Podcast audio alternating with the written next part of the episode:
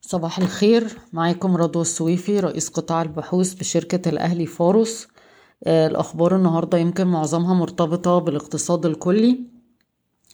آه، من المتوقع أن تعود مصر إلى مؤشر JP Morgan للسندات السيادية في الأسواق الناشئة آه، في 31 يناير 2022 بوزن نسبي في المؤشر واحد وخمسة وتمانين من مية في المية.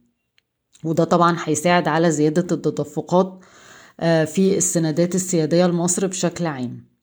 آه، من المقرر أن ترتفع صادرات الغاز الطبيعي المسال في مصر آه، مع زيادة الشحنات من مصنع تسييل الغاز في إتكو مصنع دمياط الذي تم إعادة إحيائه مؤخرا.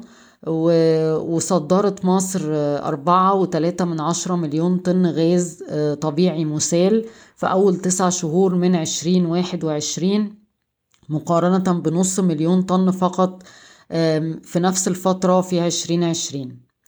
آه، سجلت عوائد قناة السويس أربعة وتسعة من عشرة مليار دولار آه، منذ بداية عام عشرين واحد وعشرين بارتفاع اتناشر ونص في المية على أساس سنوي. تتطلع مصر إلى الاستفادة من أسواق الدين الدولية آه، مع إصدار سندات دولية مرة أخرى في فبراير أو مارس 2022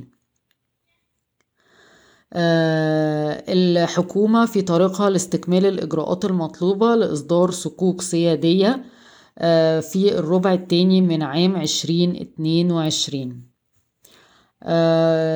تبلغ حيازات الأجانب من ديون مصر حاليا حوالي 30 مليار دولار. وتستهدف وزارة المالية تخفيض أعباء خدمة الدين ل 32% من إجمالي النفقات في الموازنة العامة مقارنة ب 38% في الوقت الحالي. آه، من المقرر أن تتفق مصر واليونان على بناء آه، كابل تحت البحر من خلاله ستقوم مصر بتصدير الكهرباء إلى اليونان المرحلة الأولى من المشروع تكلفتها 2.5 مليار آه، يورو والمفروض هتنتهي في ديسمبر 2023 آه، يتطلع مستثمر استراتيجي للاستحواذ على حصة 10% في شركة e-finance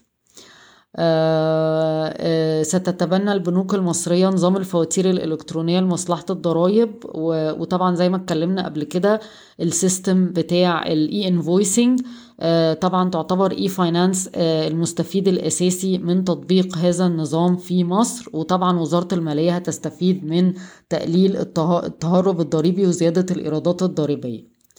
حصلت شركة أمان وهي شركة تابعة لرايا القابضة على ترخيص إقراض الشركات الصغيرة والمتوسطة. شركة أوراسكوم أعلنت آه، عن أن تحالفها مع آه، الشركات اليابانية والفرنسية وقعوا اتفاقية مع الشركة المصرية لنقل الكهرباء لإنشاء وتشغيل مزرعة رياح بقدرة 500 ميجا وات في رأس غارب آه، لمدة 20 سنة. وحصة أوراسكوم آه، في المشروع خمسة وعشرين في المية. آه، رفعت آه، مصر للألمنيوم إيجال رفعت أسعار المصنع ل خمسة وخمسين ألف لستة وستين ألف جنيه للطن. ده بارتفاع من أربعة لخمس تلاف جنيه تقريبا عن الشهر اللي فات. سيدي كرير تقدمت بطلب للبورصة لزيادة رأس مال الشركة. وتعديل اسم الشركة والغرض منها ومحل إقامتها القانوني. آه، الزيادة آه، قدرها في رأس المال قدرها 200 مليون جنيه هتكون بالقيمة الاسمية وهيتم تمويلها من أرباح المحتجزة. فازت إيجي ترانس بمناقصة نقل عربات القطار بالعاصمة الإدارية الجديدة. ارتفعت أسعار السكر إلى عشر تلاف جنيه للطن. آه، مصر سمنت إنها هتوزع ربع جنيه بعائد واحد وستة من عشرة في المية. بشكركم ويوم سعيد.